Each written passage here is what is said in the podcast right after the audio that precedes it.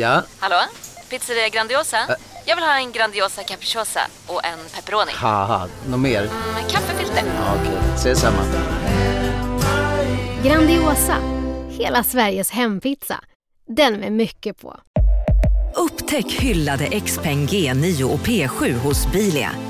Våra produktspecialister hjälper dig att hitta rätt modell för just dig. Boka din provkörning på bilia.se xpeng redan idag. Välkommen till Bilia, din specialist på X-peng. CSRD. Ännu en förkortning som väcker känslor hos företagare. Men lugn, våra rådgivare här på PWC har koll på det som din verksamhet berörs av. Från hållbarhetslösningar och nya regelverk till affärsutveckling och ansvarsfulla AI-strategier. Välkommen till PWC.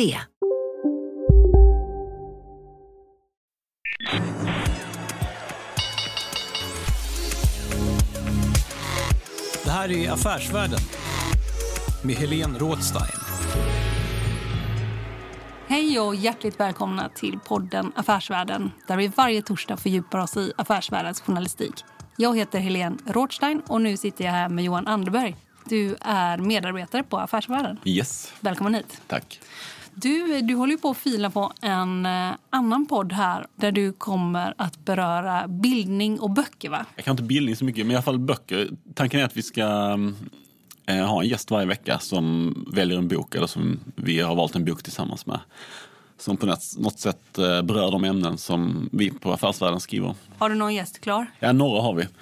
Men om det är någon som har läst någonting omvälvande eller eh, någonting som eh, man tycker att andra borde ta del av så får de gärna höra av sig till mig. Det har ju varit som en eh, vedertagen sanning att liksom, företrädare för svenskt näringsliv läser inte så många böcker. Har du något att säga om det? Alltså det är väl en sån grej som man inte riktigt vet är sann. Um, om jag skulle gissa så skulle jag tro att det säkert inte är så stor skillnad jämfört med andra länder. Det är en sån grej som man ofta säger att i Frankrike är det så här, i USA är det så här. Men ju mer man får reda på så är oftast likheterna ganska stora och skillnaderna ganska små. Jag såg att Bokmässan de kom ju med en undersökning där en av rubrikerna är att ryktet om det svenska näringslivets obildning är starkt överdrivet. Och, eh, och de skriver då att det florerar en bild av att svenska företagsledare är obildade. Denna föreställning är både gammal och seglivad. Och eh, i en krönika i Dagens Industri eh, tror jag att det började. Men det vet jag inte. Men där citerade Jan Gradvall, en fransk affärsman som hävdade att man i Paris drog lott om vem som skulle träffa den svenska affärsmannen då denne enbart kunde prata om affärer eller gissa vad mer. Jag, det där känns eh, väldigt anekdotiskt. Men affärer eller vad, vad, vad, vad tror du mer? Va? Ett, en hobby? Eh, golf kanske. Ja, golf. Ja. Ja, men dels är det ju en väldigt konstig syn på människor. För det, det, även om man själv läser böcker så behöver man inte bara hänga med andra som läser böcker. Alltså, det, det är ju ganska roligt att ha kompisar som liksom bara är intresserade av sport eller vad som helst. Jag tycker det verkar konstigt om svenska näringslivs vd inte skulle läsa. För de har ju varit ändå ganska duktiga på att ta ut sina företag i världen och få dem att hoppa på det senaste inom teknik. Och det verkar inte någonting som en obildad person skulle klara av. Nej, ingenting som uppstår i ett vakuum. Nej, liksom. ja, nej, det är sant. Men eh, det finns ju också några, om man tittar på konglomeratet, till exempel Volati. Som, de har köpt, alltså det finns ju också börsbolag som ger sig in i bokhandeln. De har köpt till exempel Akademibokhandeln. Och jag kommer ihåg att jag gjorde en intervju med en av grundarna, Patrik Wallén som grundade Volati tillsammans med Karl eh, Pärlhagen. Och, eh, han läste extremt mycket så managementlitteratur men också väldigt många klassiker. Alltså till exempel så här, eh, Vredens druvor eh, läste han till exempel. Och jag kommer ihåg när jag gjorde intervjun med honom. Han satte det Vredens druvor och den här liksom, nyfattigdomen då i Kalifornien tror jag det var va? Eh, I relation till Vilhelm Mobergs Utvandrarna. Liksom att... Eh, Ja, men, och någonstans det här handlar ju om liksom eh, klassklyftor och nörd kan man väl säga, liksom på olika kontinenter. Men jag kommer ihåg att han på ett väldigt, så här, i min värld, intellektuellt sätt eh, jämförde de två böckerna på ett ganska, jag menar, ganska kul faktiskt att lyssna på. En, en grej som jag har slagits av, alltså jag, jag träffar ju inte lika många näringslivspersonligheter som du gör. Men inom finansvärlden så känns det som att man träffar många som läser och att de också påverkas väldigt mycket av det de läser. Att de fattar investeringsbeslut och att de, de får en syn på den tekniska utvecklingen och den kulturella utvecklingen som de kulturnissar som jag hänger med annars inte gör riktigt utan att det liksom, läsandet får inte lika stor praktisk betydelse för dem. Det känns som att om man håller på och köper och säljer aktier så kan man ju använda information på ett annat sätt mm än om man bara läser och sen jobbar med någonting annat. Mm. Jag läste faktiskt nu programmet eh, som ska vara till Bokmässan. Mm. Eh, och då så slogs jag lite av avsaknaden av så samhällslitteratur eller av liksom, näringslivslitteratur. Jag vet inte om den, om man, den finns säkert där, men att de inte finns på seminarierna och så. Men det kan jag annars tycka att, liksom, att eh, kulturlivet eller de arenorna inte alltid så bra eller så intresserade av näringslivet. Om man säger så här, ja men näringslivet de är inte alltid så jätteintresserade av en del kulturella saker, slarvigt och fördomsfullt. Så tycker jag liksom en sak som inte känns så fördomsfull ändå, det är ju kulturnissar, dina kompisar. Mm. alltså deras intresse för näringslivet är ju noll va? Ja, det är intressant. Det har jag aldrig tänkt på. Men i USA finns ju en helt annan flora av böcker och filmer om företag. Finans. Och, ja. Alltså liksom, bara senaste året har det kommit ja. en eh, film om McDonalds. Eh, en film som jag såg faktiskt veckan om några som höll på med högfrekvenshandel. De byggde en fiberoptisk kabel mm. genom USA. Mm. Och det känns som någonting som svenska eh, filmer inte riktigt handlar om. Nej, men vilket företag hade det kunnat vara då? Ikea? Alltså det är väl också lite att det finns väl inget super sexigt företag på det sättet som skulle gå... Alltså, om du tänker på um, The Big Short eller ja. någon av de filmerna. Det, ja, klart det kanske finns om man letar lite. Ja, det tror jag. Men sen så kan det vara också, som från vår sida kan det vara väldigt spännande historier, speciellt så finansiellt. Jag intervjuade Martin Gren förra avsnittet, medgrundare av Axis. Och hans bolag blev ju kidnappat kan man säga Ja, jag hoppas man vi får säga så på mm. Affärsvärlden. Jag säger så i alla fall. Det, min åsikt eh, blev ju kidnappat av eh, ett annat stort jätteföretag. Det är ju asspännande ju. Men jag vet inte om vissa sådana saker eh, liksom gör sig också i film. Liksom sitter man där och följer de nyheterna så finns det ju verkligen en dramaturgisk ja. liksom spänning. verkligen. Men så, det kanske inte alltid är jättelätt att förmedla det. Jag känner inte riktigt att jag vill se den här filmen än. Du får jobba på pitchen. Okej. Okay. Men du, nu kommer faktiskt en intervju med eh, Johan Bygge. Vet du vem det är? Nej. Um, Johan Bygge var uh, med och eh, en av de tidiga i EQT, riskkapitalbolaget EQT. Han är baserad i Hongkong och han är industriell rådgivare åt eh, EQT. Och jag träffade honom i somras uh, och då gjorde vi intervju. Och då hade Hongkong-protesterna precis börjat. Och intervjun med honom, den kommer här. Marknaden sponsras av SPP, pensionsbolaget. Eh, förra gången pratade vi lite om ITP. Och som en kort repetition så, så var det ju 70-tal, arbetsmarknadens parter bestämde att alla tjänstemän ska ha en tjänstepension. Man kom överens om vilka villkor som ska gälla i den här pensionen och så kallade man den för ITP.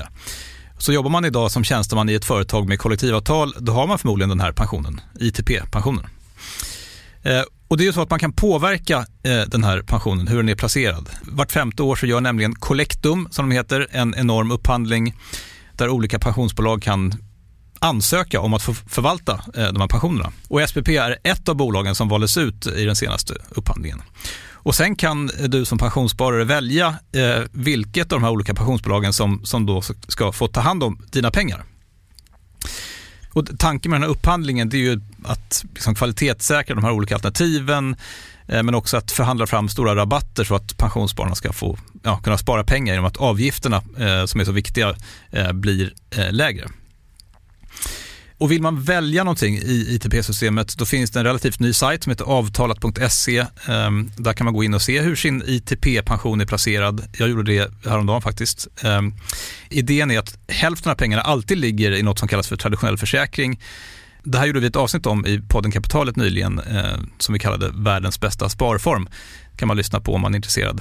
Eh, den andra halvan eh, den kan man också lägga i en traditionell försäkring eller så kan man placera det i något som kallas för fondförsäkring.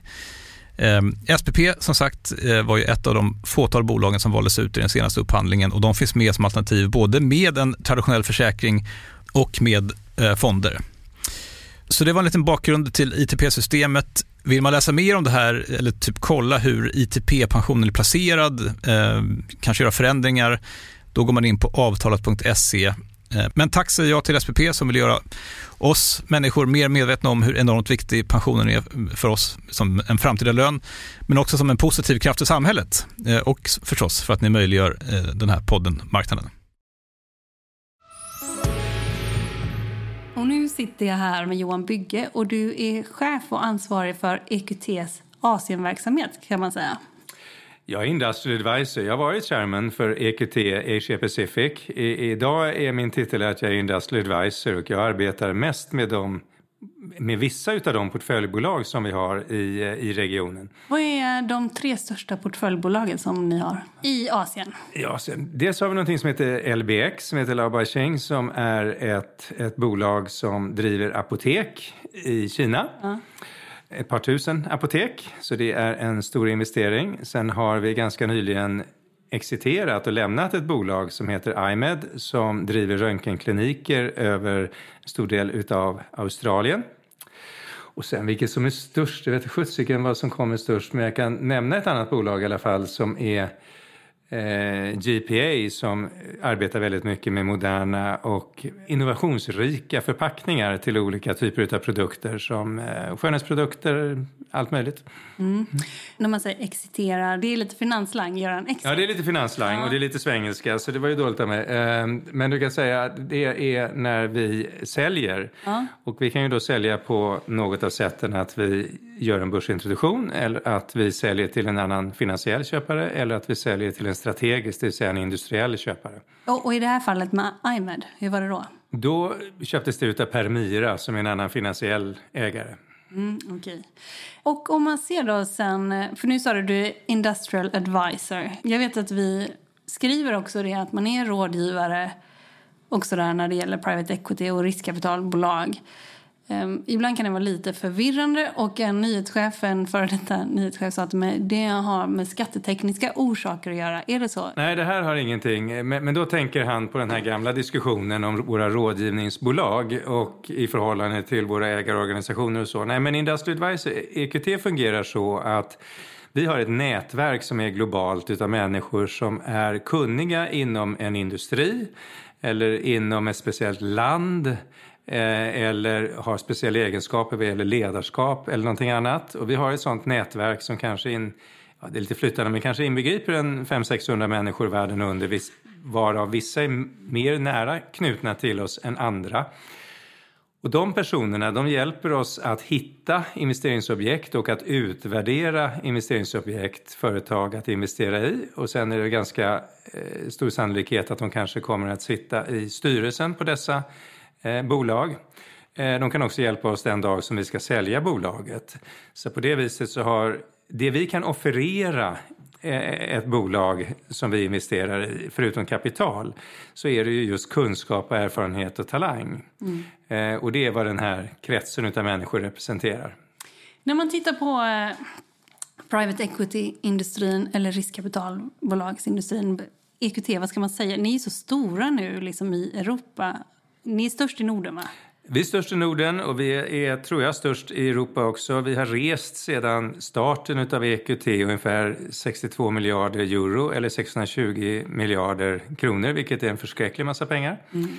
Eh, och det är ju pengar som kommer ifrån pensionsfonder, eh, landsfonder eller sovereign wealth funds på engelska, eh, ifrån olika familjekontor, family offices, andra finansiella institutioner som pengarna kommer ifrån och som har gett oss det förtroendet då att investera dem på ett eller annat sätt i någon av våra investeringsfilosofier. Vi har ju stora buyout, vi har midmarket, vi har venture, infrastruktur, vi har real estate, vi har sen väldigt nyligen också en public value där man investerar i minoritetsposter i noterade bolag. Och så har vi också att vi lånar ut pengar till företag i våra kreditfonder. För vad jag tänkte på också så här, hur ser den marknaden ut i Asien skulle du säga? Nu gör vi inte allt det här i Asien, utan det, vi gör egentligen tre saker i Asien. Vi investerar i mid-market-bolag, det vill säga medelstora bolag. Och sedan en inte alltför lång tid så har, finns även infrastruktur representerade i regionen som investerar då i bolag som framförallt driver infrastruktur. Sen reser vi pengar. Vi, vi, eh, vi får in pengar ifrån asiatiska investerare som investerar i våra fonder. Så, så, det är där vi är nu. Eh, sen får vi se vad framtiden har i sitt sköte om flera av de andra investeringsfilosofierna kommer att etablera sig där också. Men hur ser den övriga private equity-marknaden ut? Liksom man pratar väldigt mycket om nordiska och europeiska private equity-bolag. Man sitter med fulla kassor och så. Här. Hur ser det ut på den asiatiska marknaden? Är det samma där? Det finns jättestora köpkraftiga private equity-aktörer som är baserade i Asien också. Både kinesiska och eh, ifrån andra delar av regionen. Så att, men man kan väl säga att det har kommit igång lite senare kanske. Eh, och om man ska tala om skillnader så, så, så tror jag att utvecklingen av private equity-bolagen kanske har hunnit lite längre i, i, i, eh, i Europa och i eh, USA än vad det har gjort där. Och, och man kanske inte alltid ska skära det här bara geografiskt utan jag tror att en sak som kanske särskiljer EQT lite grann ifrån ifrån andra det är att vår person och vårt fokus och det arv som vi har också ifrån vår Wallenberg-tillhörighet eh, är ju väldigt mycket att vi genererar avkastning genom att vi bygger bra bolag. Vi är industrialister. Vi, vi, det bästa vi tycker om att göra är att köpa ett bra bolag tillföra ännu mera kunskap, tillföra kapital, investera och få det här bolaget att accelerera och utvecklas. Och det är vad vi brinner för. Och ibland så anklagas den här branschen för att vara kortsiktig. Jag tycker verkligen inte Jag har ju levt större delen av mitt liv i den noterade världen i fantastiska bolag som Ericsson, Electrolux och Investor och andra. Men i private equity, i EQT, så, så, får, så, får, man ju verkligen möjlighet att med rätt kunskap, med tillgång till kapital, tänka lite längre än nästa kvartal. Det gör de andra bolagen också självklart. Men att verkligen bygga ett bolag under ett antal år som, som man tror är ett bra bolag. Mm. För om man pratar om skillnader då som det kändes som skulle komma till. Finns det en annan typ av finansiellt fokus bara från lokala spelare, skulle nej, var, enligt, enligt dig alltså? Ja, nej, alltså var och en aktör är, är, är, väl ganska unik, var och en på sitt sätt. Men jag tror att vi särskiljer oss kanske lite mer att vara ändå mera verksamhetsnära och verkligen fokusera på bolagen. Och ibland kan jag tycka att en del aktörer ute i Asien som jag ser har ett något kortare finansiellt fokus. Men det där tror jag är en mognadsfråga och det där kommer säkert att förflytta sig och ändras över tiden.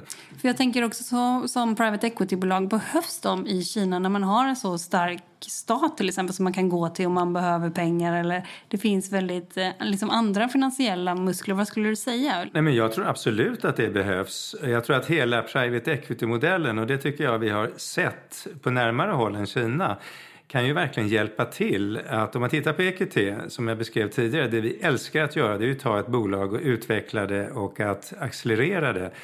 Och private equity-modellen kan ju verkligen på det sätt som den fungerar hjälpa till att driva en förändring och driva en utveckling. Och inom ramen för de regler, lagar och regler som gäller Eh, driva saker kanske i något ökad hastighet i en önskad riktning. Jag tror att alla ägandeformer behövs i, i, i, ett, i ett land eller i en ekonomi. Men private equity kan ju verkligen hjälpa till att driva en förändring och accelerera och skapa tillväxt. Tittar man på EQTs bolag som, om man går ända tillbaka till 90-talet när EQT startade så har ju det drivit en årlig försäljningstillväxt på 12 procent eller på 11 procent tror jag det är och resultattillväxt på 12 procent. En ökning av anställda på 10 procent per år vilket ju en, varav en del är förvärvad och en del är organisk men som ju är en fantastisk utveckling och det är ju något positivt för landet. Och, och vi driver det här väldigt mycket också med hjälp av att använda teknik, digitalisering, som är ett område där vi har investerat mycket själva och också sustainability därför att vi tror och då kan man säga att det är alltid trevligt att vara nice men det är också, vi tror också att det blir ett bättre bolag om de har en vägkarta framåt eller en roadmap vad man ska göra inom de här områdena. Så att private equity, rätt tillämpat och med rätt agenda är ju, tycker jag, en fantastisk tillgång i en ekonomi för att driva förändring. Och det finns ingen pedagogisk uppgift som ni har i ett land som Kina, liksom att, att förklara den här modellen? Ja, det, alltså det, det, det finns det absolut. Det finns en pedagogisk uppgift här även här hemma eh, emellanåt. För jag menar, alla industrier innehåller ju eh, aktörer utav, med olika karaktärer. Så att jag, jag, tror att det är väldigt viktigt att... Så jag tycker det är ett jättebra tillfälle för mig att få förklara vad det är faktiskt vi gör när jag sitter och pratar med dig. Liksom kapitaltillskott eller nya ägare eller framförallt om man är nordiskt liksom private equity-bolag. Är det liksom, förstår alla den modellen? Och... Ute i Kina? Ja, ja. Nej, det är ju en annan kulturell setting eller en annan kulturell miljö än, än vad vi har här hemma. Men i Kina idag så finns det ju otroligt många duktiga och framgångsrika entreprenörer som har byggt upp verksamheter som är imponerande och de är väldigt stolta självklart över sina livsverk. Eh, de kanske har en generationsskiftesfråga som gör att det kan vara lämpligt att börja jobba med någon annan eller de kanske behöver hjälp att nå utanför Kinas gränser utav, eh, för att göra det mer än vad de kan göra utav egen kraft. Och kan man då hitta en gemensam agenda och en gemensam bas att agera ifrån så kan det vara väldigt lyckosamt. Och det tror jag har varit situationen ganska ofta i, i Kina just. Du lyssnar på Affärsvärlden med Helene Rådstein. Eh, marknaden sponsras av Karla. Eh, vi pratar ju en hel del om bilar här på kontoret. Eh, Karla har ju skapat, skulle jag säga, det som är standarden för hur man idag köper och säljer bilar på nätet. Kort bakgrund bara. Karla säljer och leasar begagnade elbilar och laddhybrider på karla.se. Alltså en helt digital upplevelse. Och man har gjort det här med ett nästan maniskt fokus på vad en bilköpare faktiskt behöver. Jag gjorde ju en intervju med en av grundarna, Patrik Illerstig, i marknaden här eh, ganska nyligen, eh, daterad 25 mars, om man vill lyssna på den. Eh, men där berättar han hur de kom in i det här lite från vänster för att försöka uppfinna hela den här liksom bilköpupplevelsen från början. Och de har idag, vilket är rätt otroligt, 4,8 i betyg eh, på Trustpilot. Jag, jag har sett många företagssidor på Trustpilot, men det här är nog bland eh, det bästa jag någonsin sett eh, faktiskt. Man kan sälja bilen till Karla också. Eh, då går man in på karla.se, delar lite info om bilen, sen får man en gratis värdering och ett bud. De hämtar bilen helt gratis i hela Sverige och så har man pengarna på kontot i samma stund som de hämtar bilen. Det är grymt. Eh, så ska du köpa en ny bil eller sälja din gamla, eller båda delar för den delen, gå in på karla.se och eh, kolla. Alltså karla.se och Karla stavas med C. Tack så mycket till Karla. När man tänker på din bakgrund, du kommer från industrin från början. Du har långt förflutet på Electrolux. Hur många år var du där totalt? Jag var där på Electrolux i 19 år. Och vad hade du för roller där? Totalt? Jag började som koncerncontroller eh, 1987 och sen så utvidgades det till någonting som hette Chief Administrative och då fick jag på mig uppgifter till. Så småningom blev jag CFO. Och sedan så tyckte min dåvarande chef att nu hade jag hållit på med det här med ekonomi tillräckligt länge så då gav han mig möjligheten att vara VD för Husqvarna konsumentprodukter som då var en del i Electrolux, alltså utomhusprodukter, gräsklippare och annat. Och sedan därifrån så blev jag chef för Electrolux International som, var, som då var Asien, Afrika, Latinamerika. Eh, och sedan blev jag också blev jag chef för Asien och Europa under ett antal år. Och efter Electrolux? Efter Electrolux så blev jag CFO för Investor. Och sen kom jag till EQT. Och när du kom till EQT, vilket år är vi på då? 2011. Mm. Vad var det för EQT du kom till då? Alltså EQT är ju en fantastisk organisation som är full av drivkraft. Men det var också ett EQT som hade varit väldigt lyckosamt och växt ganska snabbt. Så jag blev då någonting som kallas COO eh, och med uppgiften att hjälpa till tillsammans med partnerskapet i EQT att skapa en plattform och bygga en plattform som lämpade sig för att fortsätta växa och utvecklas och som också kunde svara upp mot en omvärld. Eh, omvärlden förändras ju också hela tiden. Jag intervjuade en gång Lena Almefelt, heter hon, chefsjurist ja. på EQT. Jag rekryterade henne till EQT. Ja, du gjorde det? Ja, ja. ja jätteduktig. Ja, ja jätteduktig. Och, men hon beskrev mellan raderna lite att det här var ju ganska liksom man hade vuxit väldigt snabbt. För Det handlar ganska mycket om när hon började som chefsjurist, som jag minns det, att sätta struktur på allting. Ja. Det saknades faktiskt en hel del regler och, liksom, och så här, hur, hur, får vi lov att göra? Hur får vi lov att resa en mm. fond till mm. exempel? Och det som man hade gjort tidigare var ju lite att man hade kanske först raggat investerare. Vore ni intresserade av att göra si och så här? Mm.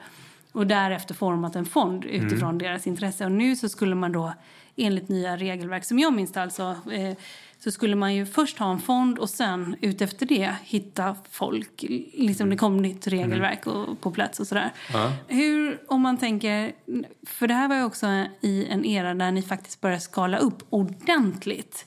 Och då så var du med och sätta struktur på plats också ja. kan jag förstå. Va, va, vad gjorde du? Liksom? Nej men då var vi, min dåvarande chef Conny Jonsson som nu är ordförande. Han var ju, är ju väldigt, en väldigt visionär och känner väl i hela kroppen var saker och ting lite grann utvecklas och så. Så en sak som vi gjorde det var ju att lägga alla nya fonder onshore.